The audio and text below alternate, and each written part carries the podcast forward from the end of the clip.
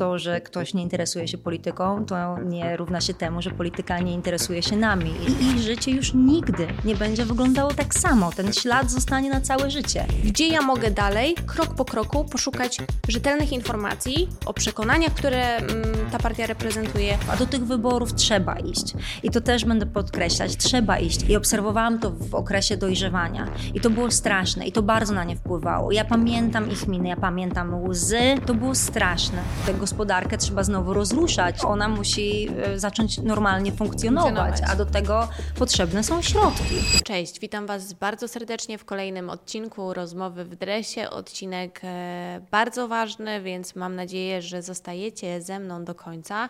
Dzisiaj będziemy rozmawiać z posłanką Aleksandrą Gajewską.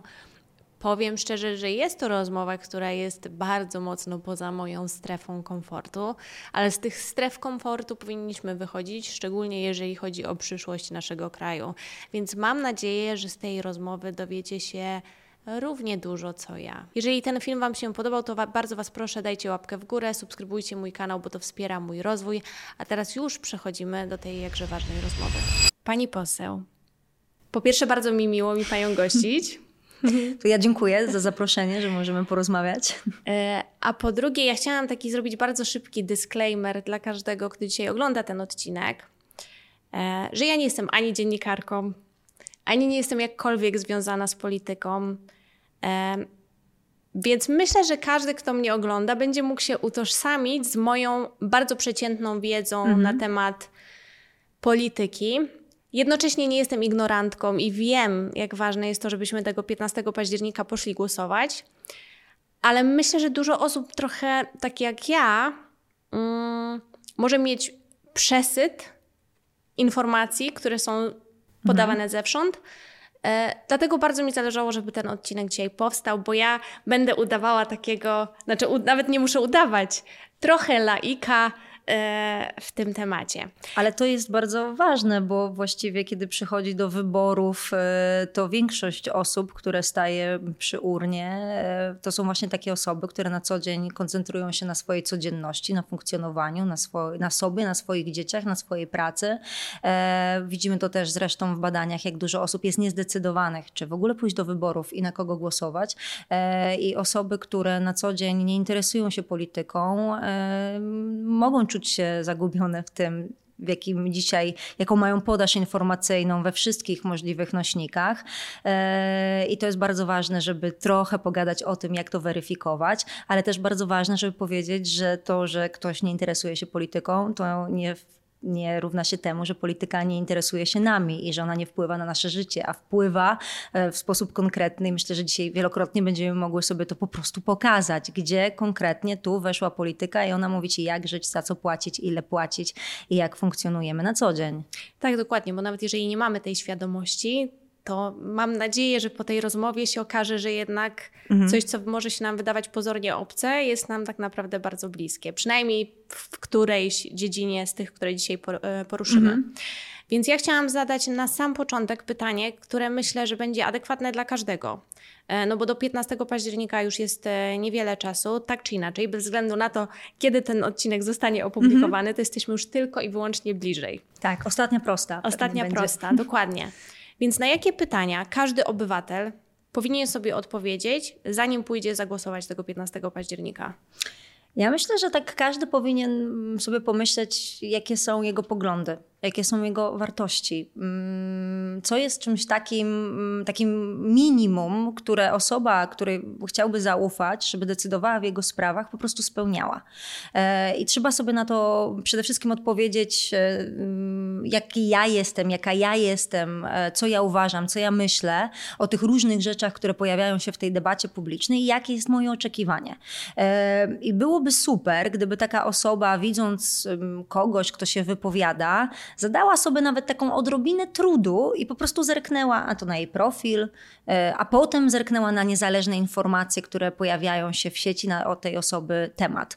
Bo dzisiaj w tym zalewie informacyjnym, gdzie powstają kilku czy kilkunastu sekundowe filmiki, e, gdzie można w bardzo atrakcyjny sposób e, jakiegoś takiego bonmota wrzucić i on brzmi, on jest taki catchy, on jest fajny, mm. on przemawia do nas tak bardzo obrazowo, ale może się okazać, że ta osoba, która wypowiedziała te wyreżyserowane słowa, e, to zupełnie co innego myśli i mówi, kiedy przychodzi do podejmowania decyzji o najważniejszych dla nas rzeczach. Jak jesteśmy w babskim gronie, to możemy sobie powiedzieć, że dla mnie kwestie dotyczące kobiet, większości społeczeństwa są niezwykle istotne, ponieważ nie widzę powodu, dlaczego większa część społeczeństwa miałaby być traktowana w sposób inny, jej prawa miałyby być jej odbierane, miałyby nie być nazywane prawami człowieka, tylko jakąś fanaberią. E, I są dzisiaj produkty polityczne, które pojawiły się na tym politycznym rynku, markecie, e, które są bardzo atrakcyjne, które się prezentują jako wolnościowcy, tylko że ich wolność i nasza wolność kończy się wtedy, kiedy zaczynają się właśnie prawa mhm. kobiet. I to jest niezwykła hipokryzja, taki brunatny płaszczyk, e, pod którym po prostu kryje się coś strasznego. Kryje się zakaz rozwodów, kryje się kara więzienia za aborcję, e, kryje się mm, przemoc, tak? Ta pochwała tej przemocy, gdzie ktoś o gwałcie mówi, że to jest taką, tak lekko mówi, to jest mega niefajna sprawa. Znaczy, ja nie wiem, czy osoby z Konfederacji kiedykolwiek miały styczność z osobami, które doświadczyły przemocy, przemocy, seksualnej. Ja spotkałam się z osobami, rozmawiałam z osobami, które doświadczyły tej przemocy w taksówkach i ich życie już nigdy nie będzie wyglądało tak, tak samo. Ten ślad zostanie na całe życie.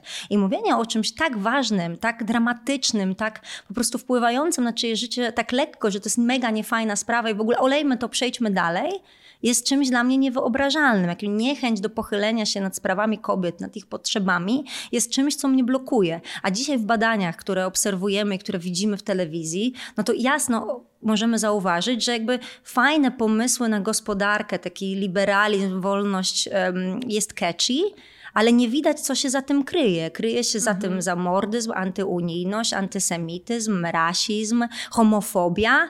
E, I kiedy tak naprawdę wyciągniemy dopiero jakieś archiwalne nagrania albo nagrania ze spotkań, rozmowy z, z tymi osobami, które reprezentują dzisiaj Konfederację, to wiemy, jakie są ich prawdziwe e, poglądy. I ja bardzo zachęcam do tego, bo ja wiem, że coś może mieć po prostu atrakcyjne opakowanie, opakowanie, ale ja zachęcam do tego, żeby pogrzebać, żeby zobaczyć, co dana osoba. Proszę sobie sprawdzić, co Korwin Mikke mówi o kobietach. Proszę sobie sprawdzić, jak Korwin Mikke pochwala e, przemoc wobec dzieci. Proszę sobie zerknąć, z jaką pogardą mówi o kobietach. Proszę zobaczyć, jaka jest piątka Mencena. Proszę sobie to wszystko sprawdzić, żeby tak naprawdę wiedzieć, że jeżeli jakakolwiek dziewczyna chce na nich zagłosować, to robi sobie po prostu ogromną krzywdę tak naprawdę, mm. bo potem te osoby pójdą reprezentować nas w parlamencie i dołożą się do większości, która na przykład będzie decydowała o tym, że dzisiaj w żaden sposób nie można zrobić e, aborcji, albo będzie mówić, e, będzie, powiedzą, że za aborcję będzie godziło, groziło więzienie, kiedy my będziemy decydowały o tym, czy przeżyjemy, -hmm. czy przeżyjemy, bo takich historii w ostatnich latach, od kiedy e, było to orzeczenie pseudo do Trybunału Julii Przyłębskiej i jest po prostu kilka. I to są tragedie konkretnych rodzin, konkretnych ludzi. I tego nie można bagatelizować. I ja nie chcę się do tego przykładać. Mhm. E, no, do mnie to wszystko bardzo trafia, e, ale tak sobie myślę, mm, że, że teraz trochę będę takim e, panem, panią Kowalskim, bo pani poseł mówi o, tych, o tym researchu, mm. o tym, żeby sprawdzać skąd załóżmy taką, jest, za, za, wyobraźmy sobie taką sytuację, że gdzieś tam wchodzę, widzę taki catchy mhm. film, on, on, fajnie wygląda. Um, gdzie ja mogę dalej, krok po kroku, poszukać rzetelnych informacji o danej partii, o mhm. danym człowieku, jakby o, o przekonaniach, które ta partia reprezentuje, gdzie ja mogę, bo znowu ilość tych informacji jest bardzo jest duża. Bardzo duża. Mhm. Mamy social media, mamy TikToki, mamy różnego rodzaju wiadomości. Więc gdybym ja to zobaczyła, to jak krok po kroku teraz powinnam się zachować? Gdzie mogę szukać informacji, które będą prawdziwe, bo to jest też takie słowo, które to ostatnio. To jest w ogóle bardzo ważna sprawa i ja myślę, że. Mm, pewnie będziemy mówiły o edukacji, bo zawsze się Tak. do tej edukacji schodzi, nawet teraz ona się sama nasuwa. E, Ja myślę, że my w ogóle w szkołach i na studiach e, powinniśmy być e, kry- uczeni krytycznego myślenia. powinniśmy być uczeni, jak odsiewać informacje. Ja miałam takie zajęcia na studiach, gdzie uczono mnie przeglądu prasy, żeby znaleźć wiarygodne źródła. Nie wiem, czy dzisiaj wciąż uczy się tego i jest to taka podstawowa wiedza. Na pewno, kiedy ja byłam na studiach, nie było aż tylu źródeł. I ja rozumiem dzisiaj skonfudowanie. Wielokrotnie rozmawiam e, z osobami ode mnie z rodziny, które proszą o weryfikację jakiejś informacji albo podsyłają mi jakieś linki.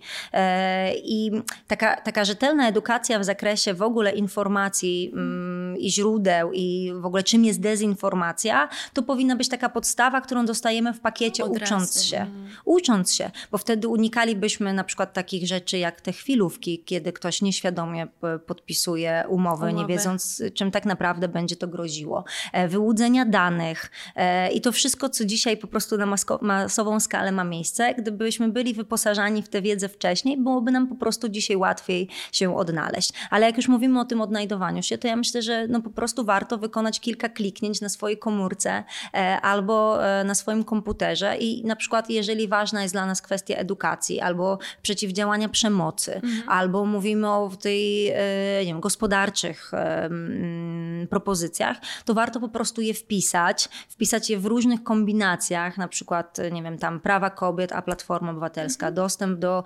antykoncepcji, czyli wpisać takie rzeczy, które mogą po prostu pokazywać się e, jako hasła, Jasne. jako wypowiedzi konkretnych osób. E, można wpisać nawet cała prawda, o i zobaczyć sobie Co kilka, mm, kilka informacji, które się nam wtedy pokażą. Po prostu spędzić tych kilka, kilkanaście minut, e, żeby sobie to porównać. Źródła będą różne. Ja od razu mówię, że też warto na to patrzeć, tak? Czy to jest jakaś, jakiś portal krzak, który wrzuca Tak. właśnie informacje bez źródeł, głównie plotki i ploteczki, które nie mają zakotwiczenia w żadnej rzeczywistości. Czy ktoś się pod tym podpisuje własnym imieniem i nazwiskiem, czy podaje źródła, e, czy odsyła do czegokolwiek, czy my jesteśmy w stanie znaleźć te informacje, bo dzisiaj to jest, to jest szczególny problem. I kiedy to zrobimy, to możemy mieć przekonanie, że, mm, że spróbowaliśmy zderzyć jakiejś rzeczywistości, tak? No może nie weszliśmy tylko na profil konkretnej partii i już jesteśmy przekonani,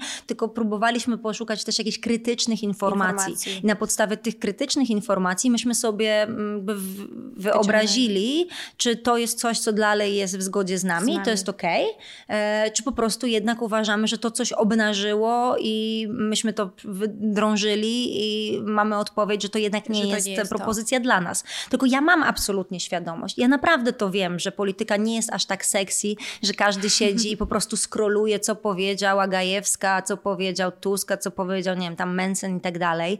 E, po prostu mam tego świadomość. Żyję w normalnej rzeczywistości, mam przyjaciół, którzy nie interesują są się związani. polityką, e, tak, żeby to po prostu wyznaczało trendy dnia codziennego i po prostu wiem, że tak nie jest. Ale mimo wszystko takie minimum, minimum, jak już mamy iść i zagłosować i zdecydować o tym, kto w najbliższych latach będzie rządził państwem i brał za wszystko odpowiedzialność, to naprawdę w skali tej decyzji te kilkanaście minut to jest coś bardzo ważnego. I ja mega zachęcam po prostu, żeby poskakać po kanałach nawet, zobaczyć, tak, poświęcić chwilę, może pogadać z ludźmi, na, na, może niekoniecznie przy obiedzie rodzinnym, bo to się różnie, Różnie kończy, kończy. ale, ale nawet zapytać znajomych, których uznajemy za takich, którzy po prostu się w tym orientują, którzy to śledzą, e, zderzyć kilka opinii. To by było coś, co mogłoby wpłynąć na to, że z większą świadomością pójdziemy do tych wyborów. A do tych wyborów trzeba iść. I to też będę podkreślać, trzeba iść. Nie można mieć przekonania, że głos nie ma znaczenia. Ja jestem takim przypadkiem i zawsze to opowiadam. Jestem osobą, która weszła do Rady Warszawy em, przewagą siedmiu głosów. Siedmiu głosów. Te siedem osób, które wstało z kanapy, czy od stołu, e, czy wróciło z psem i postanowiło pójść zagłosować, zadecydowało o tym, że mogłam mm, działać tutaj na terenie miasta na rzecz wtedy Białołęki i Pragi Północ szczególnie, ale ogólnie na rzecz miasta. I mogłam to po prostu robić jako bardzo młoda dziewczyna, że mi zaufano. Te siedem osób o tym zdecydowało. Więc jestem żywym przykładem tego, że kilka osób, jedna rodzina, która do siebie zadzwoniła, miała na to wpływ. Był tutaj już w tym wątku poruszony temat edukacji. Mhm. Ja mm, ten temat chciałam poruszyć Głównie ze względu na swoje dziecko, które notabene dopiero ma 14 miesięcy. Ale też mam świadomość tego i też bym chciała, żeby każdy, kto nas słucha, miał tego świadomość, że każda zmiana, bez względu na to, kto te wybory wygra 15 października, wymaga czasu. To nie, on, to tak. nie jest coś, co się dzieje z dnia na dzień. Więc jakby to jest coś, co gdzieś tam już jest w mojej głowie. Na pewno, to jak się staje rodzicem, to się zmienia, zmienia, totalnie świadomość. Ja też to przeżyłam. Ja jestem mamą czterolatka, okay. więc też moje myśli krążą wokół tego, jak to będzie dalej, zwłaszcza, że Alex już chodzi do przedszkola, no tak. więc tym bardziej obserwuję ten rozwój, towarzyszę e, synowi w tym, w tym, jak się rozwija. E, I myślę, że jakby to jest fajnie, że rodzice mają taką świadomość i ona jest zupełnie, myślę, że mogę śmiało powiedzieć, inna aniżeli ta, którą mieli nasi rodzice, rodzice. i nasi dziadkowie e, i to jest, to, jest, to jest coś budującego. E, natomiast o tej edukacji trzeba rozmawiać bez złudzeń, bez kompleksów, e, takich jeżeli chodzi o jej możliwości i tak jak miałaś okazję powiedzieć. No nie jest tak, że dzisiaj się coś w edukacji zrobi i następnego dnia będzie to mhm. widać. E, reformy edukacyjne, które miały miejsce, były projektowane na takie, które będą miały e, wpływ i ten wpływ będzie widoczny po kilku, kilkunastu latach. Jeżeli przychodzą kolejne rządy i zawracają wszystko to, co zostało wdrożone, mhm. zrobione, e, no to to jest katastrofa i z tym mamy dzisiaj do czynienia, do czynienia. że ileś rządów przeszło, każde zrobiło swoje, każde pozamiatało swoją miotłą i efekt jest taki, że mamy sfrustrowanych pedagogów, nauczycieli, którzy masowo odchodzą z zawodu. Jest masa wolnych etatów. Jeżeli dzisiaj nauczyciele, e, którzy pracują w szkołach, odeszliby na emerytury, bo już im to przysługuje, naprawdę mielibyśmy iść dramatyczną sytuację w szkołach i w przedszkolach. E, I najgorsze jest właśnie to, że jak obserwujemy politykę innych państw, nawet europejskich, to jest taka niepisana zasada, że różne rzeczy można można ruszać, można tykać, można zmieniać, ale edukacja to jest jednak coś takiego, nad czym po prostu jest konsensus, jest taki ponad podziałami, e, po prostu jest taka um, umowa, tak. taka niepisana, mhm. tak, że, że to po prostu traktujemy jako coś ważniejszego, aniżeli wszystkie ostre spory polityczne. U nas niestety edukacja to, edukacji to nie obeszło i ja jestem, e, nie chcę powiedzieć jakąś taką ofiarą tego całego systemu, ale ja pamiętam, jak e, kiedy ja byłam w szkole, gimnazjum e, i to były pierwsze roczniki, które chodziły do gimnazjum. Później była zmieniana podstawa programowa i jak ja miałam maturę, to kilka roczników przede mną pisano inną maturę, ja pisałam mm. już inną maturę, zmieniła się cała podstawa programowa, myśmy nie wiedzieli, jakie będziemy lektury mieli omawiane. Nauczyciele dopiero uczyli się tego, co my będziemy pisać na maturze. Mm. Inne roczniki pisały w zupełnie innym co systemie maturze. Potem kumulowały się roczniki, które chciały się dostać na studia a my, którzy zrobiliśmy wszystko tak jak trzeba, tak jak nam mówiono. Słuchaj, ucz się, bądź zaangażowany, staraj się, przykładaj się do tego wszystkiego i będzie dobrze. A potem się okazało, że no do cholery nie jest tak super mhm. dobrze, e, bo właśnie te nasze plany, to wszystko nie jest tak realizowane, bo nie mamy tylu możliwości, jest ogromna konkurencja, te roczniki się kumulują. To, czego nas uczą w szkole, jest zupełnie czym innym, co jest potem od nas wymagane na studiach, a już dopiero jak to zderzymy z pracą, to jest jeszcze jakaś inna rzeczywistość. I myślę sobie tak właśnie personalizując te kwestie, jak myślę sobie o, o swoim po prostu dziecku, to ja naprawdę bym chciała, żeby każda, każda, każdy z nas mógł spokojnie myśleć o tym, że tam będą rozbudzane e, pasje, że tam mhm. będą wzmacniane e, umiejętności. Indywidualizm. E, tak, że będą te możliwości pokazywane, że dziecko dostanie jakiś taki wachlarz możliwości, że będzie otrzymywało wsparcie wtedy, kiedy go potrzebuje, zwłaszcza wtedy, kiedy jest mu trudniej, kiedy ma jakieś braki, jest słabsze, że będą jakieś takie mechanizmy wyrównujące to wszystko i że ta szkoła będzie miała takie nowoczesne podejście, tak, że będzie uczyła praktycznych rzeczy, Właśnie o tym mówiłyśmy, o tym krytycznym, myśleniu. myśleniu. E, mówiłyśmy o takich rzeczach, które za chwilę w życiu są nam po prostu potrzebne, potrzebne. jako umiejętności a tego nie dostajemy. Za to ja ileś razy uczyłam się o Mezopotamii i jakby dzisiaj mogłabym o tym mówić z pamięci. Czy to przydaje mi się w codziennym życiu? No jak rozmawiamy o jakichś rzeczach o związanych z, z, ze starożytnością, no to, no tak. no to może, ale na co dzień mm, chyba brakuje wielu rzeczy, takich jak przedsiębiorczość, jak właśnie e, takie postawy obywatelskie, zrozumienie tego świata całego, który jest dookoła nas. Mm, a to, co w ogóle dzisiaj ma miejsce w szkole, dla mnie jest absolutnie przerażające przerażające, bo ja nie zgadzam się całą sobą, nie zgadzam się z tym, e, żeby narzucano jakąś jedyną słuszną ideologię. Mm. Po to dzieciaki i młodzież ma się uczyć krytycznego myślenia, żeby to oni zdecydowali, po której stronie mocy chcą być. być. Po prostu. I zrobili to świadomie bo po prostu tak uważają, bo przeczytali, bo wiedzą, e, bo takie mają przekonania i świadomie wybierają. Natomiast jeżeli ktoś na lekcjach hitu chce wmawiać e, młodzieży, że e, in vitro to produkcja dzieci, to ja nie zgadzam się z tym. Ja nie chcę hmm. na to pozwolić. Ja po prostu nie chcę, żeby mój syn chodził do takiej szkoły. Tak, I tak. żeby o swoich kuzynach, którzy urodzili się z takiej metody, ktoś mówił tak okropne, nieludzkie, dehumanizujące rzeczy. Nie zgadzam się. Więc nie jedyna słuszna ideologia, która ma takie produkty e, polityczne tworzyć, które pójdą śladami jedynej słusznej władzy, tylko ja bym chciała młodzież, która właśnie jest krytyczna, która nawet da nam w kość, nawet wyjdzie na ulicę, nawet powie do cholery zajmijcie się w końcu tym klimatem, bo my po prostu nie możemy na to patrzeć, mm -hmm. niż którzy będą po prostu przyklaskiwać, a tu będzie krach i na naszych oczach będzie się po prostu działa katastrofa. To ja coś takiego wolę i takiej chciałabym, żeby w szkole uczył się mój syn. Nie wiem, czy masz podobne zdanie dotyczące swojego dziecka, ale ten lęk wewnętrzny e, jest po prostu przerażający, mm -hmm. a mhm. nawet chyba czasami paraliżujący mm -hmm. rodziców. Nie no, zdecydowanie do tego stopnia, że no my mamy dużo czasu, ale się zastanawiamy, co mhm. będzie w momencie, w którym e, Zoja będzie musiała pójść do szkoły. I a propos uwsteczniania się, to tak sobie pomyślałam, bo nie dalej jak wczoraj czy przedwczoraj widziałam, że teraz została wprowadzona taka e, ustawa o tym, że teraz dzieci w szkole od 1 września będą ważone. Mm, I sobie pomyślałam, a to tak nie było? Bo ja właśnie ja pamiętam. pamiętam. Ja chciałam tak, to powiedzieć. Tak, ja, ja pamiętam, pamiętam za czasów moich bilans jako osoba, która ma jeszcze na dodatek, na dodatek, historię zaburzeń odżywiania, to wiem, jaki to miało ogromny wpływ, takie publiczne zawstydzanie. To było straszne. Tak. Czyli to trzeba sobie zobrazować. Wyciągają cię z lekcji w grupie kilku albo kilkunastoosobowej, e, jednej płci, zarówno z osobami, z którymi się przyjaźnimy, ale i z Jak osobami, nie? których nie znosimy, które na co dzień robią nam krzywdę, mówią o nas niemiłe rzeczy. Każą nam się rozebrać przy tych osobach i stanąć na wadze i jakby wyciągnąć wyczytać e, wagę głos, i tak. zapisać ją w bilansie. Znaczy to jest coś, co tak wpływało na poczucie niepewności. E, ja nie pamiętam chyba nic tak strasznego, co obserwowałam, jak właśnie to ważenie w szkole.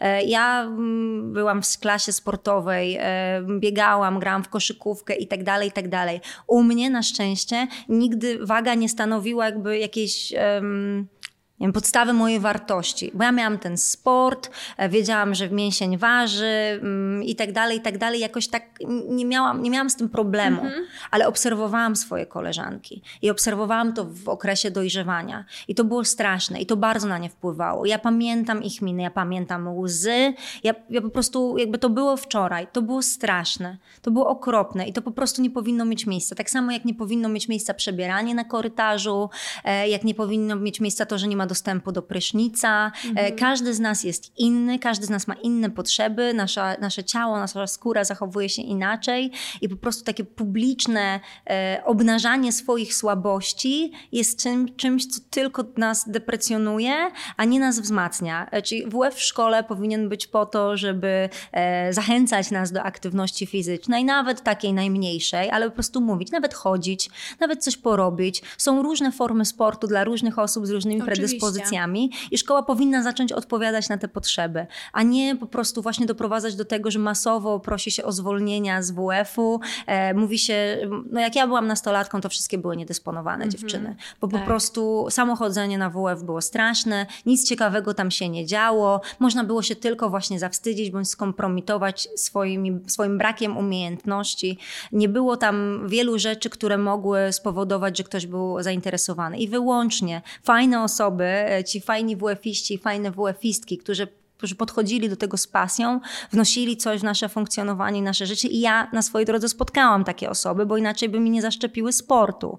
E, ale ja widziałam tę traumę i to jest to, co powiedziałaś, to jest coś, co było. I wróciło. Chcielibyśmy o tym zapomnieć na zawsze, a to wraca jak bumerang, ponieważ wracają te okropne standardy. Czyli jeżeli minister edukacji mówi, że dziewczynki są grube, a sam wygląda tak, jak wygląda mm. e, i jemu wolno, a dziewczynki mają się pilnować, bo to jest tradycyjna władza i oni w takie ramy chcą oprawić kobiety, no to ja mam ochotę po prostu nim potrząsnąć i powiedzieć, ej, gościu, naprawdę, weź zastanów się nad tym, co mówisz, co robisz i jaki to ma wpływ na cały system, bo ty dzisiaj stoisz na czele systemu. Każda rzecz, którą powiesz, oddziałuje na inne osoby, na cały ten system. Ty bierzesz gigantyczną odpowiedzialność za swoje działania, a podchodzisz do tego jak lek kodów. Jestem lek jestem po prostu na to wściekła. To jest obrzydliwe. To jest albo cynizm taki straszny, albo jakaś potworna hipokryzja. Hipokryzja, właśnie chciałam powiedzieć. To tak jak ustaliłyśmy, zmiany tak czy inaczej one będą trwały, ale jakich zmian możemy się spodziewać, jeżeli opozycja wygra te wybory 15 października właśnie w kontekście edukacji? Ja myślę, że trzeba mówić o takich najbardziej podstawowych rzeczach, mhm. bo nikt tu nie chce robić rewolucji. Oczywiście. Właśnie z tego powodu, że rewolucje już miały miejsce i na tym najbardziej e, cierpią uczniowie i bardzo też cierpią nauczyciele, e, którzy no dzisiaj też ta władza jakby postanowiła nie kochać ich miłością wielką, e, a jednak są to ludzie, którzy no, wpływają na to, jacy ludzie będą w przyszłości. Oczywiście. To oni kształtują ich zainteresowania, silne, mocne strony, e, budują ich spojrzenie na świat. To są bardzo, dla mnie nauczyciele byli bardzo ważni e, w życiu e, i będę im wiele pamiętała. Mm, I, I dzisiaj ten szacunek powinien być ze strony władzy, bo z uczniami bywa różnie, są indywidualne jakieś tam preferencje, to jest oczywiste, Oczywiście. ale taki ogólny szacunek, e, godność nauczycieli powinna mieć miejsce zarówno na poziomie traktowania, jak i wynagrodzenia. I to jest bardzo ważne. I to jest pierwsza rzecz, na którą trzeba patrzeć. Ale trzeba patrzeć też na, mm, na program. On powinien być odchudzony powinna być właśnie taka praca nad e, umiejętnościami, nad możliwościami, nad ukierunkowaniem e, młodzieży i dzieciaków. I chyba to jest bardzo, bardzo, bardzo ważna kwestia, która powinna mieć miejsce na samym początku. No i też takie mm, oddanie szkoły mm, w ręce osób, które ją tworzą, w ręce specjalistów, tych lokalnych, e, szkolnych społeczności. Czyli nie narzucanie dyrektorowi, że ktoś, który się, kto siedzi w centrali za biurkiem, wie lepiej niż on, jakie są warunkowania w szkole i co i jak on powinien robić, tylko po prostu większe zaufanie. Mhm. E, I też taki wpływ tej społeczności szkolnej na to, co w szkole się dzieje. Znaczy nie jakiś jakiś partyjny krawaciarz ma przyjść i powiedzieć, co w szkole może być organizowane, jaka organizacja do szkoły może wejść, tylko rodzice i nauczyciele powinni mieć tę autonomię, żeby na to zezwalać. E, bo dzisiaj bardzo chce się ograniczyć właśnie wpływ rodziców, wpływ e, dyrektorów. E, dzisiaj ma to być taki system, że gdzie centrala z kuratorami po prostu jak inkwizytorzy przychodzą i mówić, szkoła ma być taka. Tylko, że ta szkoła jest trochę inna niż tamta szkoła. Nie tylko ze względu na budynek, i warunki infrastrukturalne, ale też charakter tej szkoły, nauczycieli, którzy ją tworzą, dzieciaki, które tam się uczą, ich pomysły, to co oni chcą robić, jaką oni chcą tę szkołę stworzyć, to ma ogromny wpływ na to, jaka ta szkoła jest, żeby młodzieży dać możliwość, dać możliwość się rozwinąć, coś zorganizować, raz im wyjdzie, raz im nie wyjdzie, to też jest nauka. E, I to powinno po prostu w szkołach mieć miejsce. I każda społeczność też ma inne potrzeby, takie no, grupowe, indywidualne i na to też powinno być miejsce. I mm, Szkoła też powinna być miejscem otwartym. E, I ja pamiętam mm, gabinety psychologiczne e, w moich szkołach. To było takie, takie drzwi stygmy po prostu. Jak mm. się przekraczało, albo pedagog bądź psycholog wzywał jakąś osobę, to wszyscy odprowadzali ją wzrokiem, wzrokiem. do tych drzwi i już, e, już coś z tą osobą było nie tak. No i to też trzeba rozwiązać. Czyli po pierwsze mówić o tym, że mamy prawo czuć się słabiej, gorzej i potrzebować pomocy i to żaden wstyd. E, żeby tak było, żeby szukać tej pomocy, no a z drugiej strony właśnie mm, zastanowić się nad tym, jak zrobić to, żeby w szkole była kompleksowa pomoc, a z drugiej strony nie było to po prostu właśnie tak na widoku, ostentacyjnie. tak ostentacyjnie. Jak e, psychologowie powinni współpracować z nauczycielami, którzy przecież obserwują całe zachowania klas e, i mm, tych poszczególnych uczniów, widzą ich potrzeby. Oni powinni być kierowani, oni powinni mieć podpowiedzi na temat jak, jak pracować indywidualnie z osobą, która ma takie, a nie inne potrzeby, a potem ta osoba powinna też pa, pa, pracować z psychologami. No ja już nie mówię o takich szczególnych potrzebach, e, gdzie to już wymaga pilnej interwencji, ale dzisiaj żyjemy w świecie, w którym możesz pójść do psychiatry, jeżeli nie masz e, 18 lat, ale jeżeli chciałabyś skorzystać z pomocy psychologicznej i nie masz zgody rodzica, to nie pójdziesz do psychologa Nie pójdziesz do psychologa, e, a ten rodzic może być przyczyną twoich, twoich problemów. problemów. Tak. I ty jesteś zdana na tego rodzica, czy on zgodzi się, czy nie zgodzi się, bo w świetle polskiego prawa nie masz do tego mm, prawa. po prostu uprawnienia, nie masz do tego prawa. I to też powinniśmy zmienić. No, mm, w innych krajach debatuje się o tym, czy szesnastolatkowie już powinni głosować, a my nie, nie stwarzamy im możliwości dostępu do no, takiego chyba dzisiaj już lekarza pierwszego kontaktu. kontaktu. E, kiedy się źle czujemy, kiedy presja rówieśników jest zbyt duża, e, kiedy nie dajemy sobie sprawy, nie dajemy sobie rady z oczekiwaniami, z tą rzeczywistością, z tym, jesteśmy też przebodźcowani.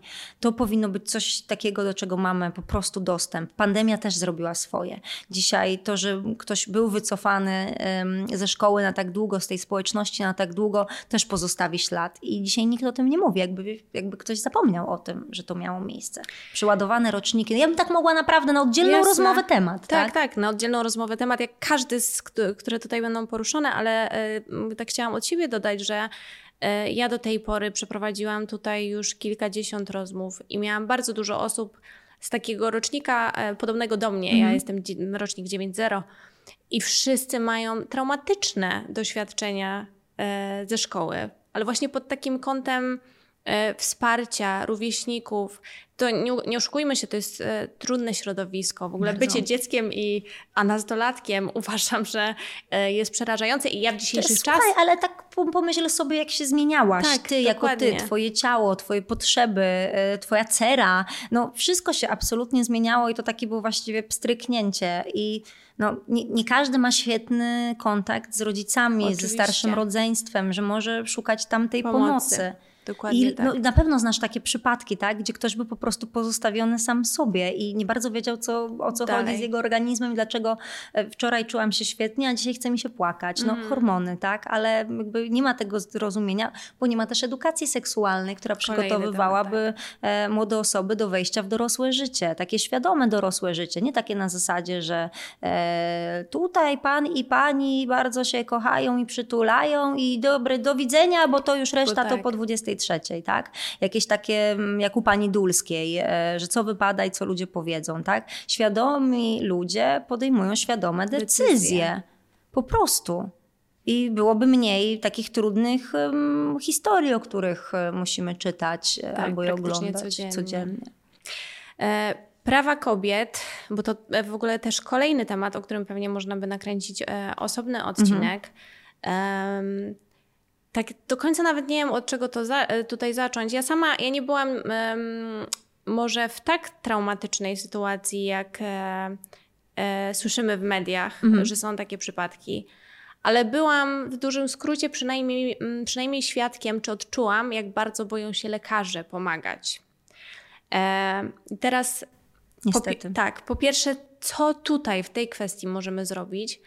Um, a druga część tego pytania dotyczy antykoncepcji i tabletki po, jakby, czy jest w ogóle szansa, żeby to było bardziej dostępne, bo ja mieszkałam przez trzy lata w Emiratach Arabskich, które wydają się być konserwatywnym mhm. miejscem i tam antykoncepcja, przynajmniej wtedy, była dostępna bez recepty.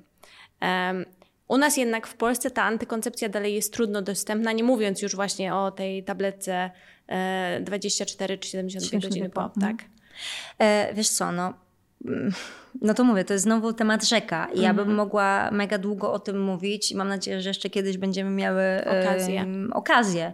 E, ale przede wszystkim trzeba podkreślić, że antykoncepcja e, taka awaryjna była już dostępna bez recepty i była powszechnie dostępna. Mhm. I ktoś bez podstawy zdecydował o tym, że jakby na, moja, nie wiem, wiara i ideologia mi tego zabrania, to jest dla mnie nie w porządku, więc ty też nie, nie będziesz tego brała, bo ja tak uważam. I ja, ja nie rozumiem takiej wolności. Nie rozumiem rozumiem. Ja jestem za taką wolnością od i do i nikomu do, nic do tego, że ktoś zdecydował się świadomie i odpowiedzialnie podjąć taką, a nie inną decyzję. Tylko tu właśnie ta świadomość, edukacja seksualna, podstawa, podstawa, czyli żeby kobiety były świadome, co z czym się wiąże, e, żeby nie dały sobie wmawiać głupot, czyli tabletka e, ta awaryjna, antykoncepcja awaryjna, to nie jest tabletka wczesnoporonna. Poronna.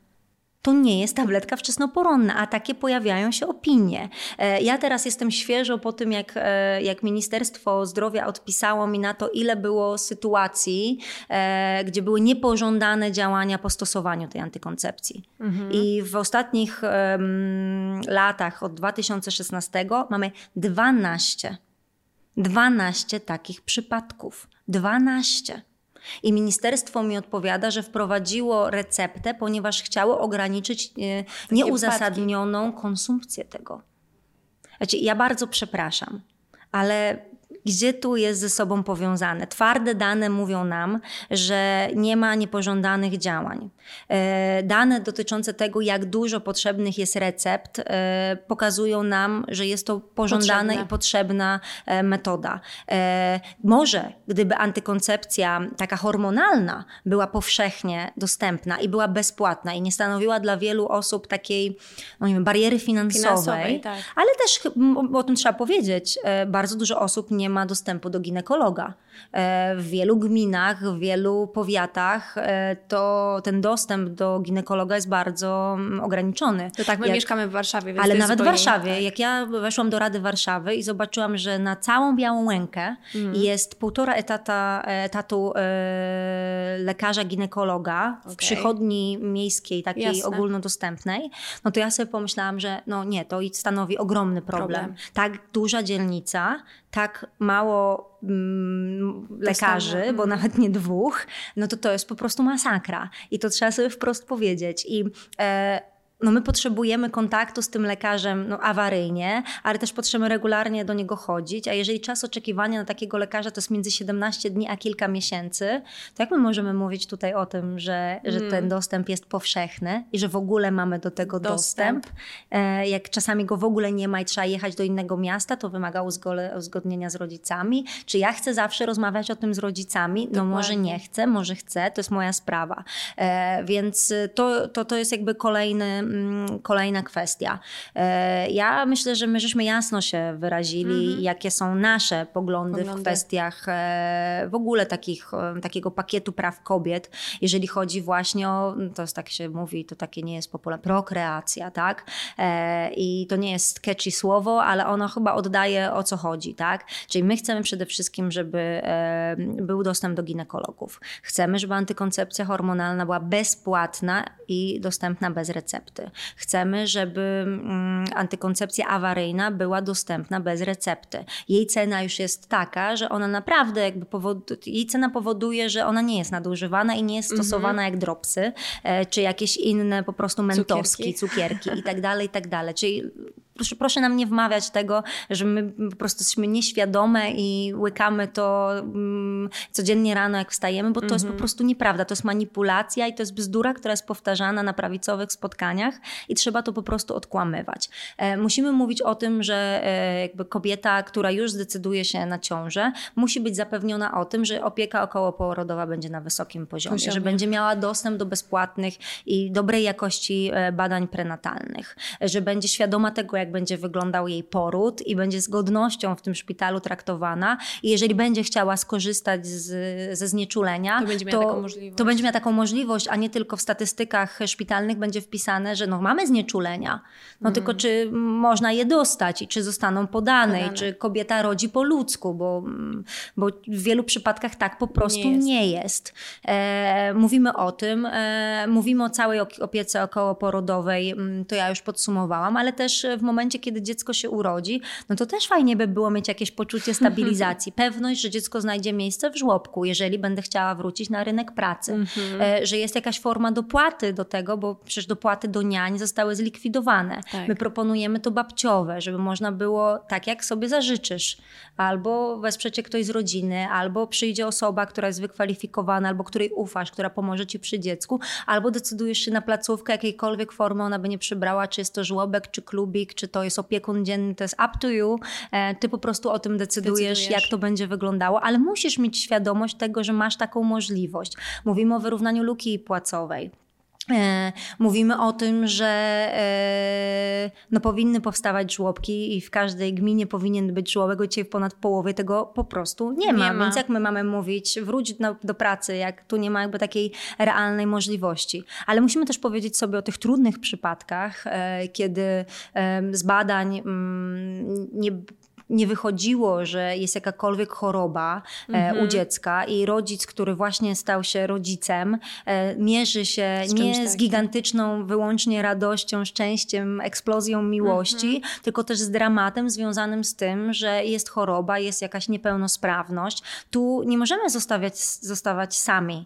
Mhm. Tu musi być systemowe wsparcie, tu musi być godne życie, tak? E, nie może być tak, że kiedy rodzi się chore dziecko, to jedynym jego ratunkiem to są e, te grupy wsparcia, aukcje, e, czy te wszystkie portale Tylko Pomagam, gdzie rodzice błagają o pomoc każdego dnia rozpaczliwy sposób, żeby ich mhm. dziecko przeżyło, żeby zebrało pieniądze na, na leczenie. na leczenie, czy zebrało pieniądze na operację.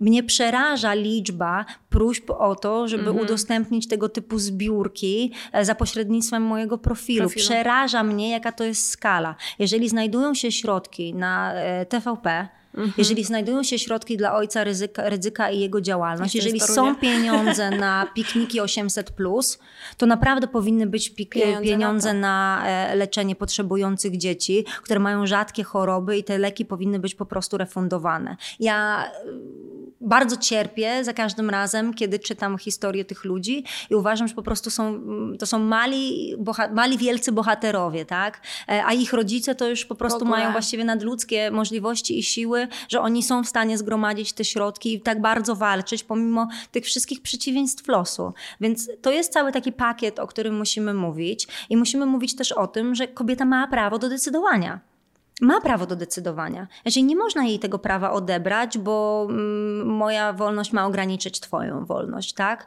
Po prostu y, świadome zachodzenie w ciążę y, już będzie mm, doprowadzało do, do tego, tego że, tak. że mniej takich przypadków niechcianych ciąż będzie miało miejsce. A to znowu się sprowadza do edukacji. To się sprowadza do edukacji, do dostępu do e, antykoncepcji, tej hormonalnej, awaryjnej i tak dalej, i tak dalej. Mogłybyśmy jakby konstrukcję całą tego złożyć Stworzyć. i ona jest wtedy kompleksowa i jakby to wszystko miało po prostu ręce i nogi i miejsce w mhm. tutaj w tej odpowiedniej hierarchii, to na pewno mm, po prostu działoby się lepiej. Kobiety nie mają się tylko e, nie bać, mhm. Ale mają też chcieć e, te rodziny zakładać i mają czuć jakąś stabilizację. też ale, wiesz, ale bezpieczeństwo jakieś takie, no bo jakby moje podejście bardzo się zmieniło. Nie wiem jak twoje, jak mhm. urodziłam Aleksa. Jakby takie zaburzenie poczucia bezpieczeństwa, cały ten taki lęk, obawa taka towarzysząca mi. No moje przyjaciółki mówią, że to już zostaje na całe, na całe życie. życie. Sorry tak. Olka, jakby już zawsze będziesz czekać, czuwać, aż dziecko tak. wróci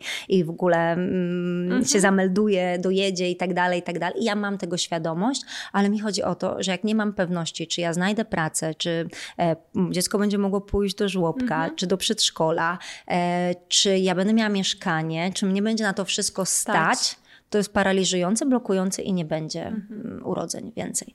No tak, są rzeczy, nad którymi nie mamy kontroli i o to dziecko będziemy się mniej lub bardziej zawsze obawiać i to się w 100% mhm. zgadzam, że w ogóle jakby urodzenie dziecka e, to jest e, taka transformacja życiowa e, i tak jak tutaj pani poseł wspomniała o tych dzieciach, które się rodzą z jakimiś chorobami czy niepełnosprawnościami, bycie rodzicą samo w sobie już jest wystarczająco trudne.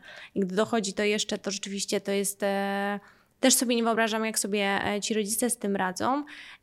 Ale to, co chciałam właśnie powiedzieć, to są rzeczy, nad którymi nie mamy kontroli, ale są też takie, nad którymi powinniśmy właśnie mieć, tak jak tak. te żłobki. Tak, oczywiście, ale um, pierwsze pytanie dotyczyło lekarzy, tak? Czy w ogóle wątek dotyczył lekarzy. No. I to też jest przerażające, że osoby, które mają czasami wybitne umiejętności, ale naprawdę mają możliwości, dzisiaj są zmuszone do tego, żeby z nich nie korzystać, bo jakaś władza zdecydowała, że, że po prostu tak ma być, że tak ma być i że oni mogą prawnie odpowiadać za swoje czyny. E, I to jest taki efekt mrożący. I kilka przypadków e, tych tragicznych śmierci w ostatnim czasie jest przykładem tego, gdzie lekarze po prostu się bali. Po prostu tak, tak. się bali podjąć inną decyzję. decyzję. Czekali, żeby mieć. Um, no tę te, te podkładkę, ten, ten dowód na to, że musieli działać i było za późno, po prostu było za późno. I to są tragiczne błędy, które kosztowały e, konkretną osobę życie, rodzinę ogromną stratę, tragedię. E, I ja mam nadzieję, że no, wróci ten moment, e, kiedy to zaufanie do, do, do medyków po prostu będzie znowu na wysokim poziomie. poziomie. E, bo dzisiaj ono niestety poprzez tę całą sytuację maleje, bo lekarze zachowują się różnie. I są takie miejsca jak Warszawa, które zapewniają, że zawsze jak pójdziesz do szpitala, to jest dyżur lekarza bez klauzuli mm -hmm. sumienia, e, ale to jest wyjątek e, w no skali tak, Polski. Właśnie, no tak, Warszawa też jest mimo wszystko szczególnym miejscem, tak. to trzeba sobie powiedzieć. Temat, z którym e, każdy się może utożsamić, nawet jeżeli myśli, że się nie utożsamia, to jest inflacja. Mm -hmm. I ona jest dalej powyżej 10%. 70% energii dalej pochodzi z elektrowni węglowych. To kosztuje ogromne pieniądze. Już nie mówiąc o kwestiach klimatycznych, bo to jest jeszcze znowu temat na kolejną rozmowę. Na pewno. E, to jest taki problem, który będzie jeszcze odczuwalny mhm. przez wiele, wiele lat. Ale czego tutaj możemy się spodziewać? No przede wszystkim, że nieodpowiedzialne rządy mogą doprowadzić do konsekwencji, które nas dotykają. I to jest to, od czego właściwie zaczęła się nasza rozmowa. rozmowa. Że polityka wchodzi w twoje życie nawet wtedy, kiedy sobie tego nie, nie życzysz. Mhm. I nie życzysz, po prostu sobie tego nie życzysz. Jesteś przedsiębiorczynią, przedsiębiorcą mhm. E, i nagle okazuje się, że z dnia na dzień są wprowadzane rozwiązania podatkowe, e, które za chwilę będą wchodziły w życie. a pytanie. nawet eksperci nie są w stanie ocenić, jak to wdrożyć jak to obsłużyć. Tak, księgowi są też zdezorientowani. Tak, wszyscy są zdezorientowani. I jest taki brak poczucia stabilizacji i bezpieczeństwa. Jest ogólna drożyzna. E, idzie się do sklepu, łapie się za głowę, ile się płaci za podstawowe produkty. Takie, które mm, pozwalają na, no nie wiem, codzienne funkcjonowanie. Takie zwykłe, nie tam żadne nie wiadomo, nie wiadomo co, jakie. tak? E, a już pomyślmy teraz o tych osobach, które mają pod opieką na przykład dzieci bądź członków rodziny innych, e, którzy mają specjalne wymagania, jeżeli chodzi o dietę. Mhm. Ile to kosztuje? jak wzrosły ich koszty. Do mhm. tego leki, które też, których cena też wzrosła. wzrosła, a tych darmowych leków jak nie widać. Czyli przynajmniej jak ja chodzę na spotkania e, z seniorami i seniorkami i pytam o to, czy ktoś otrzymuje te leki, to mhm. wszyscy tak patrzą zdezorientowani, jakby nie bardzo wiedzieli, o czym ta pani właśnie Mówi. w tej chwili powiedziała. Bo ja tych leków nie dostaję, a słyszę, że powinnam. E, I mamy sytuację, w której kiedyś, no, no, myśmy kiedyś już byli taką zieloną wyspą, kiedy był kryzys ogólnoświatowy, europejski, a u nas było dobrze. E, mieliśmy taką sytuację, kiedy inflacja była na poziomie 0%. No ale to wszystko było za czasów tego Tuska, który Okropnego. dzisiaj jest tak po prostu na ustach e, wszystkich polityków rządzących i hmm. odpowiada właściwie no nawet za złą pogodę. Myślę, że za to, że jest gorąco e, i zimno i deszcz, właściwie za wszystko, tak? Ale to ten człowiek, który jak stał na czele rządu, to podejmował takie decyzje, które nie pogłębiały trudnej sytuacji. I dzisiaj oczywiście widzimy, że pewne czynniki mogą wpływać na to, żeby inflacja mm, wzrastała, ale nieodpowiedzialne rządy doprowadziły do tego, że ona jest tak wysoka w skali mm, Europy i całego świata. I my nie jesteśmy żadną zieloną wyspą, tylko czerwoną wyspą. Mm. I nam są potrzebne konkretne ruchy, które powinniśmy wykonać. Tę te, te gospodarkę trzeba znowu rozruszać, znaczy znowu mm, ona musi e, zacząć normalnie funkcjonować, funkcjonować. a do tego potrzebne są środki. A tych środków nie ma chociażby dlatego, że nie ma pieniędzy z KPO. E, to są środki unijne, które powinny do nas trafić i one są powiązane, czyli one powinny po tej, po tej takiej stagnacji, po, mm, po tym czasie COVID-u wpłynąć na poprawę e, gospodarczą, ale one też są powiązane z przedsiębiorstwem i, e, i z energetyką. Mhm.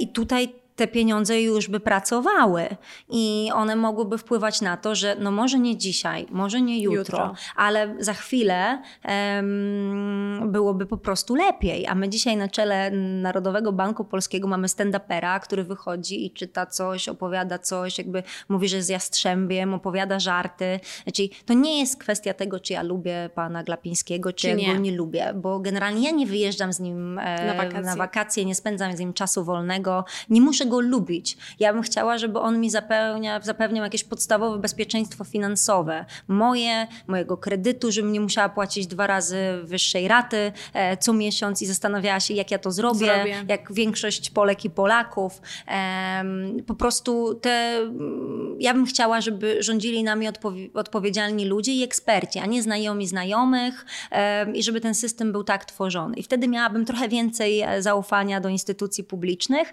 a właśnie tu mieszkanki i mieszkańcy Polski wskazują na to, że właśnie oni nie mają tego zaufania. Nie mają tego zaufania. Poprzez to boją się realizować chociażby swoje e, jakieś działania mm, związane z interesami, które prowadzą, tymi biznesami, tymi firmami, które prowadzą, nawet tacy mikroprzedsiębiorcy. Oni po prostu tak się boją, że dzisiaj dostaną marchewkę, a jutro ktoś potraktuje ich kijem, że no, odchodzą do bezpiecznych rozwiązań. Mhm. Ktokolwiek, kto miał styczność z jakąkolwiek przedsiębiorczością, mhm. jakimkolwiek biznesem, wie, że nawet jednoosobowa działalność gospodarcza opiera się na jakimś planie działania e, i trzeba podejmować jakieś decyzje finansowe, a już jeżeli chodzi o inwestycyjne, to jest zupełnie inna bajka. Jak podjąć decyzję o tym, żeby zainwestować za dwa lata w rozbudowę swojej firmy w takim i w takim zakresie, kiedy na tak dużo czynników nie ma się wpływu? Jak zrobić dzisiaj biznesplan, który chociaż po, pozwoli przewidzieć część działań, które będą miały miejsce na rynku. No, doprowadzono do takiej niestabilności rynkowej, gospodarczej, że jakby jest trwoga, gdzie się nie spojrzy. A pieniądze są wyprowadzane po prostu mm, wszędzie, wszędzie gdzie się da. Tam, gdzie ja bym mhm. chciała o tym szczególnie powiedzieć i na to szczególnie zwrócić uwagę, mhm. że mm, wszystkie środki, które są właściwie wydatkowane poza budżetem, a jest ich 320 320 milionów złotych i to jest taka kwota w ogóle, co to jest 320 miliardów złotych? Co to jest za kwota? Ona jest taka tak dla nas duża, że ona tak. jest abstrakcyjna. To ja bym chciała powiedzieć, że w 2022 roku na całą ochronę zdrowia w Polsce, wszystkie szpitale, wszystkie badania e, specjalistyczne, e, wszystkie przychodnie, wszystko co funkcjonowało w ramach ochrony zdrowia w zeszłym roku kosztowało nas 154 miliardy złotych, co oznacza, że poza budżetem wyprowadzono dwa razy tyle E, za czasów rządów PiSu. I to są gigantyczne sumy, które dzisiaj mogłyby spowodować, że nie czekasz na rezonans magnetyczny nie wiadomo ile miesięcy. Na tomografię komputerową pójdziesz wcześniej, że twoja babcia nie będzie czekała na lekarza specjalistę do 2027 roku. I to są rzeczy, które można by było zmienić, a one są wyprowadzane bokiem poprzez różne fundusze, poprzez um, pozabudżetowe po prostu rozwiązania. Premier zna się na tym, ponieważ y, pracował w bankach i rozumie jak to funkcjonuje mhm. i bardzo sprawnie te pieniądze po prostu wyprowadza poza ten dług publiczny, który jest nam na co dzień znany. I trzeba zdać sobie też sprawę z tego, że to nie jest tak, że to są środki, które tam gdzieś zniknęły i nigdy nie, nie będziemy ponosić konsekwencji ich e, spłacenia. Każda osoba, która się dzisiaj rodzi, ma, rodzi się z coraz większym zadłużeniem. Czyli twoja córka urodziła jest, się ze znacznie tak, większym zadłużeniem niż, ja. niż, mój syn i ty czy ja, e, bo jestem od ciebie rok starsza, więc po prostu każda z nas, która się rodzi, ma coraz więcej długu do spłacenia. I to jest przerażające. I do tego ci ludzie doprowadzają i no wiecie, mm, być może te dane wskazują na to, że mm, będą jakieś e, obniżki stóp procentowych, e, że ceny będą e, nie aż tak wysokie, bo ciężko powiedzieć, że one będą niższe, jak się porównuje Jasne. rok do roku czy miesiąc do miesiąca te ceny. Ale może coś drgnąć, tylko to nie będzie zasługa tego rządu, tylko ogólnej sytuacji gospodarczej rynków na dookoła, świecie. na mhm. świecie i tak dalej, i tak dalej. A kiedy ceny rosną, to rośnie koszt wszystkiego, bo coś musi być wyprodukowane, przetransportowane, e, zatowarowane, sklepy muszą zapłacić czynsze i tak się ta, to po prostu mm, kręci. kręci i to jest taka kula śnieżna, a na koniec my dostajemy ten rachunek grozy i po prostu łapiemy się za głowę, ile życie dzisiaj kosztuje w Polsce i dlaczego mm, w innych państwach nie płaci się tak dużo za e, energię, za funkcjonowanie, za żywność, za kawę na mieście, jak hmm. płaci się po prostu za nią w Polsce. A jakby nie, nie przenosi się to na nasze zarobki, żeby one były wyższe, wyższe. żebyśmy mogli konkurować z innymi Europejczykami i Europejkami. No tak, no ja jestem przedsiębiorcą, e, mój mąż jest przedsiębiorcą, więc my w tym e, kontekście dużo wiemy. Wiemy też, że nad, mm, nad tymi zmianami ciężko nadążyć. E, księgowi, tak jak już też wspomniałam, nie nadążają. I żeby dzisiaj być, tak sobie myślę, w ogóle młodym człowiekiem, który zaczyna coś swojego, to nie wiem, czy to już, to nie wiem, czy to jest nawet kwestia odwagi, to już trzeba troszeczkę nawet mieć głupoty jakieś w sobie, bo bo to jest po prostu ogromne, ogromne ryzyko. Jest ogromne ryzyko, dlatego my też mówimy o tym, że młodzi muszą mieć szansę e, spróbować swoich sił i że kwota wolna od podatku po prostu powinna być wyższa że dzisiaj każda osoba, która powiedzmy miesięcznie zarabia 6 tysięcy złotych, mm. powinna być zwolniona z tego podatku i powinna mm, swobodnie funkcjonować niezależnie od tego, czy to jest jej własna, e, własna działalność gospodarcza, czy pracuje na umowę o pracę, czy umowę o zlecenie, czy umowę o dzieło. Czyli nie ma znaczenia. Każdy, kto zarabia 6 tysięcy, powinien być zwolniony z tego, żeby płacić podatki. Mm -hmm. Po prostu mhm. powinno mu więcej pieniędzy zostawać w jego domowym budżecie, w jego kieszeni, bo ma prawo, wchodząc na na ten rynek, po prostu uczyć się tego rynku ma prawo do tego. A no ten tak, rynek nikt nie wie jest... wszystkiego. no pewnie, pewnie, że nie. Poza tym, jak wiedzieć wszystko, kiedy tak się wszystko zmienia z dnia na dzień dnia właściwie na dzień. I, e, i nie ma takiej stabilności. My też byśmy chcieli zapewnić przedsiębiorców o tym, że jeżeli jakakolwiek jest wprowadzana zmiana podatkowa, to powinno być takie minimum pół roku, zanim, zanim to wejdzie w życie, żebyś ty mogła przygotować swoją firmę na to, że taka zmiana będzie wprowadzona, żebyś nie musiała z dnia na dzień zwalniać ludzi, którzy do tej pory stanowili trzon twojej działalności i nie wyobrażasz sobie funkcjonowania bez, bez nich, mhm. tak? Ale po prostu stajesz przed bardzo trudnymi wyborami wyborami i jesteś do tego zmuszona. Po prostu nie chcielibyśmy, żeby tak było. Ja mogę powiedzieć taki, o takim przykładzie dosyć prostym. Była implementacja dyrektywy Work-Life Balance, która, mhm. która przyszła do nas z Unii Europejskiej. E, rząd od dawna wiedział, e, że będzie wprowadzał to w Polsce. Zwlekał do ostatniej chwili. chwili, przekroczył terminy. Pracowaliśmy spóźnieni nad tymi rozwiązaniami, kiedy one już powinny być w Polsce wdrożone. wdrożone. My wciąż debatowaliśmy nad nimi na posiedzeniach komisji. I ja wtedy właśnie tak, bo myśmy mówili, możemy mówić o tym, że dobrze, ja uważam, że ojciec powinien dostawać takie same pieniądze na urlopie rodzicielskim, Jak co matka. matka. Ja nie rozumiem tego, dlaczego miałoby być inaczej. I obserwując rzeczywistość, a nie mówiąc o jakimś takim oderwaniu, to widzę, że bardzo często rodziny na tej podstawie podejmują decyzję, kto w domu zostanie, kto będzie pracował, tak? Bo po prostu kalkulują, co się opłaca w tych trudnych, jak dzisiaj, czasach. E, ja uważam, że y, ojcowie powinni mieć wydłużone te urlopy i powinni mieć je pełnopłatne. PiS się na to nie zdecydował, no bo w ich modelu rodzinnym to, to nie, tak, przystoi, nie, przystoi i ojciec nie ma szansy e, być e, takim zaangażowanym i obecnym ojcem, mm, tylko po prostu ma być... E, Z doskoku. Tak, tak, tak, tak, tak, tak. Czyli w ogóle dane pokazują, że, że ojcowie biorą te urlopy na wakacje. No i to jest straszne, czyli od, nie, nie, uczestniczą, nie mają możliwości uczestniczenia od pierwszego dnia życia, e, tylko po prostu tak z doskoku, bo tak system mm, to stworzył. Mhm. I, e, ale to, to jest taka, taki boczny e, element, ale my mówimy tutaj o tym, że chcemy wprowadzić takie prawo. I ja doznałam szoku, bo w pewnym momencie odzywa się przedstawiciel przedsiębiorców. Mówię, szanowni państwo, mieliście na to tyle i tyle czasu. Trzy lata dopraszamy się o to, żeby zacząć o tym mówić, jakie te rozwiązania będą. Czy Państwo zdają sobie sprawę, że to my jako pracodawcy będziemy musieli wprowadzić te rozwiązania, o których Wy tak tutaj lekko mówicie? Ile będziemy mieli na to czasu?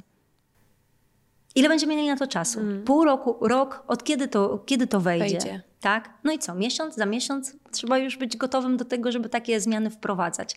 Nie ma żadnego poszanowania dla ludzi pracy. Właściwie tych, którzy ciężko pracują i e, zarabiają. Dzisiaj ta władza piętnuje, domniemuje, że oni być może w jakiś nielegalny sposób doszli do tych środków. Znaczy, to jest straszne. Hmm. To jest straszne. Ludzie pracy, którzy mm, poświęcili dużą część swojego życia na to, żeby, żeby rozwijać nawet bardzo często rodzinne biznesy, dzisiaj są oskarżani o, o to, że na pewno, na pewno coś zrobili niezgodnego z prawem i trzeba się temu przyjrzeć, bo za dobrze im idzie. Zamiast być Ciężko dumni z też, rodzinnych firm. Dokładnie i często dając też jednak miejsca pracy, tak? Więc to też jest Oczywiście, bardzo, że tak. bardzo istotne. Oczywiście, że tak. Ten tak, polski kapitał powinien być e, no, po prostu wspierany, a tutaj tego nie ma, więc to też pracodawcy jakby jasno mówią, przedsiębiorcy jasno, jasno mówią, no nikt się z nami nie liczy, nawet przy takich prostych rzeczach jak rozmowa o, e, o rodzicielstwie i o mm. tym, jak, jak je planować, jak pracownicy je planują. Mm-hmm. Kilka takich pytań, które właściwie jak ja się zapytałam, e, to pytali moi obserwujący, mm, trochę niepowiązanych ze sobą. Mm-hmm. Czy według pani poseł te 500 plus, 800 plus, bo już teraz to już ciężko też. Że już wciąż jest 500 plus. Jeszcze, Żeby była tak. jasność. em, 13 emerytura. Czy to ma sens, czy może powinno po prostu to funkcjonować w inny sposób niż funkcjonuje obecnie? Przede wszystkim trzeba sobie powiedzieć, że te środki, które w tak trudnych czasach zostały przetransferowane e, Polkom i Polakom, mm, no są stałym elementem ich domowych budżetów. My planując wydatki zakładamy, że te środki dostaniemy. E, I dzisiaj mm, ja sobie nie wyobrażam, żeby jakakolwiek siła polityczna powiedziała, że mm, nie wiem, to zlikwiduje nie. albo coś takiego zrobi. I nie dlatego, że to jest populizm, tylko dlatego, że po prostu my już dzisiaj tak funkcjonujemy, że zakładamy, że te środki po prostu możemy zaplanować. Po prostu możemy zaplanować. I 500 plus, e, ja nie uważam, że to jest program, który przyczynił się do zwiększenia dzietności i jest prorodzinnym pr- programem. On jest programem socjalnym, który rzeczywiście wpłynął na to, że na przykład, nie wiem, wyprowadził dzieci z biedy.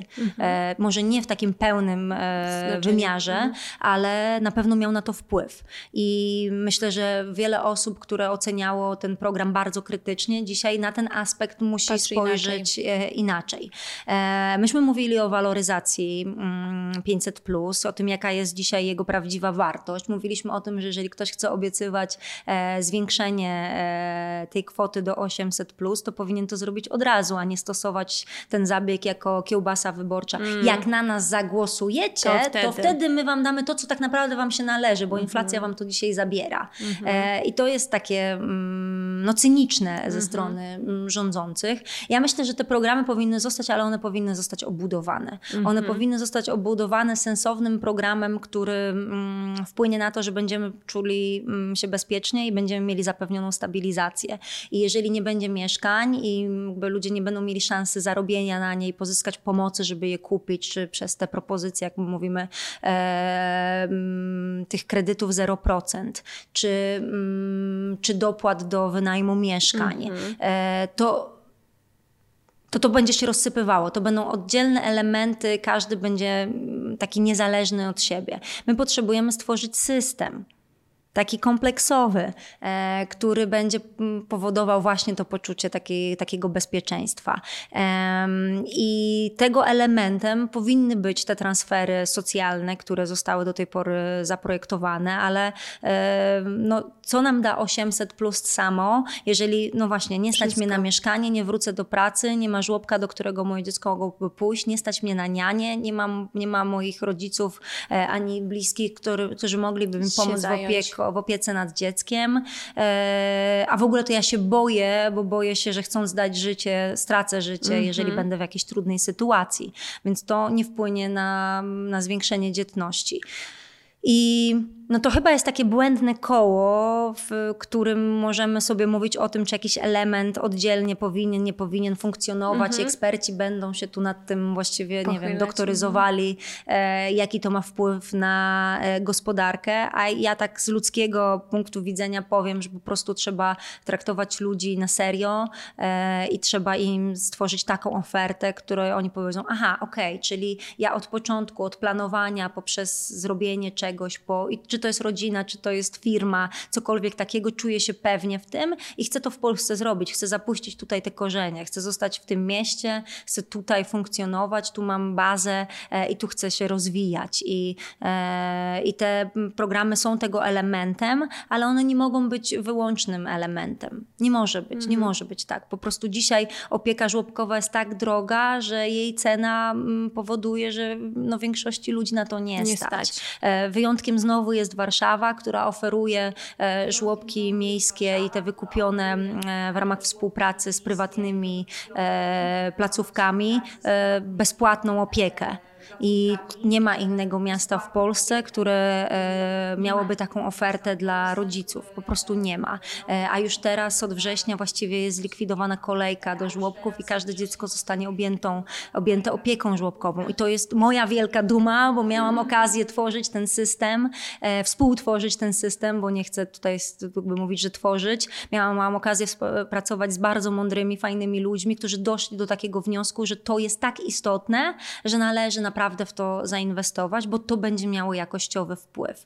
I chyba takich potrzebujemy propozycji, takiego na serio traktowania. No, ja, ja mam wrażenie, że ludzie chcieliby być traktowani serio. Także nie jest tak, że o tu ci coś wlepimy i tu ci namówimy i, um, i to powinieneś um, zrobić, a wtedy ty się budzisz i myślisz sobie, kurczę, ale to nie do końca jest tak, jak się zderzam z tą rzeczywistością. Ludzie chcą być traktowani serio i um, ja też bym chciała, żeby nie obrażano naszej inteligencji, a dzisiaj to niestety z ust rządzących ma e, nagminnie miejsce. Ja tak sobie myślę, że to wszystko, e, co pani poseł mówi, to brzmi... Mm nie jak jakaś fanaberia, czy nie wiadomo jakie y, życzenia. Jak ta ciepła woda w kranie. Tak. Y, tylko to jest coś, co po prostu każdemu człowiekowi powinno się y, no, należeć, tak? Im się, e. ja tu sobie pozwalam takie dygresje, bo ta ciepła woda w kranie to jest zarzut do Platformy, że tylko o to dbaliśmy. No, czyli, jeżeli dzisiaj ciepła woda jest luksusem, to, to jesteśmy tak, w złym miejscu. A im się to należało po prostu, to mówiła pani Szydło, kiedy wręczyła swoim ministrom gigantyczne nagrody, mm. e, po prostu wypychając ich kieszenie, kieszenie, z naszych podatków. tak? I krzyczała z mównicy sejmowej, że im się to po prostu należało. należało. Krótko po tym przestała być premierem państwa, więc, więc tutaj pozwalam sobie dla tych osób niewtajemniczonych na takie, takie różne odwołania, a one mają zakorzenienie w tej naszej rzeczywistości e, politycznej. Na zakończenie e, chciałabym e, się zapytać. E, na zakończenie, no to jest temat, który można by kontynuować jeszcze wiele godzin i może jeszcze będziemy mieć okazję. Ale na zakończenie chciałam się zapytać z racji tego, że pani poseł nie działa tylko politycznie, ale tak, już je, tak jak już tutaj e, sobie powiedziałyśmy, jest też Pani mamą. Jakiej Polski by chciała Pani dla swoich dzieci? Chyba przede wszystkim Polski takiej mm, równych szans tolerancyjnej, takiej otwartej na, na człowieka, e, zapewniającej bezpieczeństwo i to takie bezpieczeństwo w każdym wymiarze, nawet takim samorządowym, że e, ktokolwiek tu przyjechał z jakiegokolwiek powodu, znajduje się na przykład w Warszawie, to czuje się bezpieczny w komunikacji miejskiej, wracając wieczorem, wracając taksówką. E, ja bym chciała, żeby w takiej Polsce dorastał mój syn i wszystkie inne dzieciaki, mm -hmm. żeby była taka tolerancja tolerancja mm, wobec jakiejkolwiek inności, inności. E, bo, bo dzieciaki mają do tego pełne prawo, żeby poznawać e, to, jakie są, jakie chcą być i, i pozwólmy im na to. E, chciałabym, żeby państwo nas nie ograniczało, tylko dawało nam możliwości. I chyba to nie jest tak taki, tak, takie oczekiwanie. I szczerze mogę tak trochę egoistycznie powiedzieć, ja bym tego chciała dla, dla, siebie, dla tak. siebie, dla swoich rówieśniczek, dla osób starszych, dla swoich bliskich, dla nieznajomych, których mijam na ulicy. Chciałabym, żeby każdy z nas miał możliwość i miała możliwość, żebyśmy mogli zdecydować, co chcemy. Żeby nikt nie mówił nam, że to możesz, tego nie możesz, to jest słuszne, to jest niesłuszne. Tylko państwo stwarza ci możliwość a ty możesz z tego korzystać, jeżeli chcesz. Mhm. Więc jeżeli chcesz skorzystać z finansowania metody in vitro, bo um, cierpisz z powodu tego, że nie możesz powiększyć rodziny, a nie stać cię na to, to po prostu państwo ci to refunduje. Masz taką szansę. Jeżeli jesteś przeciwniczką bądź przeciwnikiem tej metody, bardzo proszę, śmiało stosujcie kalendarzyk, zaufajcie mhm. tej metodzie, jest ona znacznie mniej skuteczna. Macie do tego pełne prawo. prawo. E, I to jest wasz wybór. Jeżeli nie chcecie przerywać ciąży i mm, godzicie się z tym, że mm, wasze życie od narodzin dziecka będzie zupełnie inaczej wyglądało, bo dziecko urodzi się z niepełnosprawnością i chcecie tego, jesteście na to gotowi, bardzo proszę, państwo powinno wam w tym wszystkim pomóc. Ale jeżeli jednak ktoś uważa, że po prostu nie da rady, że to wymaga siły tak dużej, że nie znajduje w sobie tych pokładów. Mm -hmm. Po prostu mm, no, woli, woli sam oddać życie, niżeli żyć potem, tak? A są mhm. takie osoby, tak. to też powinien mieć do tego prawo. Czy powinniśmy móc zdecydować. To, to dla mnie jest bez w ogóle jakiejkolwiek dyskusji. E, tak powinno być. I e, ja bym chciała, żeby to się wydarzyło wcześniej. Nie chciałabym, żebym musiała doczekiwać ze swoim synem takiej rzeczywistości, ani żeby mój syn podjął e, samodzielną decyzję, że na przykład to jest kraj, który mu tego nie zapewnia, więc, więc wyjedzie. E, dlatego mm, po raz kolejny jakby decyduje się na to, żeby w tym mm, wyścigu wyborczym wziąć udział, żeby przekonać jak najwięcej Polek i Polaków, żeby zaufali innym osobom, aniżeli te, które e, dzisiaj sprawują władzę, bo uważam, że po prostu robią to no jak powiedzieć źle, to nic nie powiedzieć, tak? Tak naprawdę. Po prostu burzą to, w co ja wierzę, co ja chcę, mm, jakie są moje ideały i wartości. To dzisiaj po prostu wali się na moich oczach, a ja nie chcę się temu przyglądać. Po prostu nie chcę. Chcę wziąć sprawę w swoje ręce i chcę wpływać e, na zmianę i chcę, żeby ta zmiana była jakościowa. I to jest dla mnie super ważne. E, to są wartości, które ja wyznaję i e, bardzo bym chciała, żebym ja i moi bliscy, żebyśmy po prostu tutaj zostali, żebyśmy wpływali wpływali na to, jakie jest nasze najbliższe, dalsze otoczenie, żebyśmy je kreowali, żebyśmy byli tu szczęśliwi, mhm. e, żeby nam się tu po prostu chciało. Mhm. E, I to chyba, mm, znaczy nie wiem.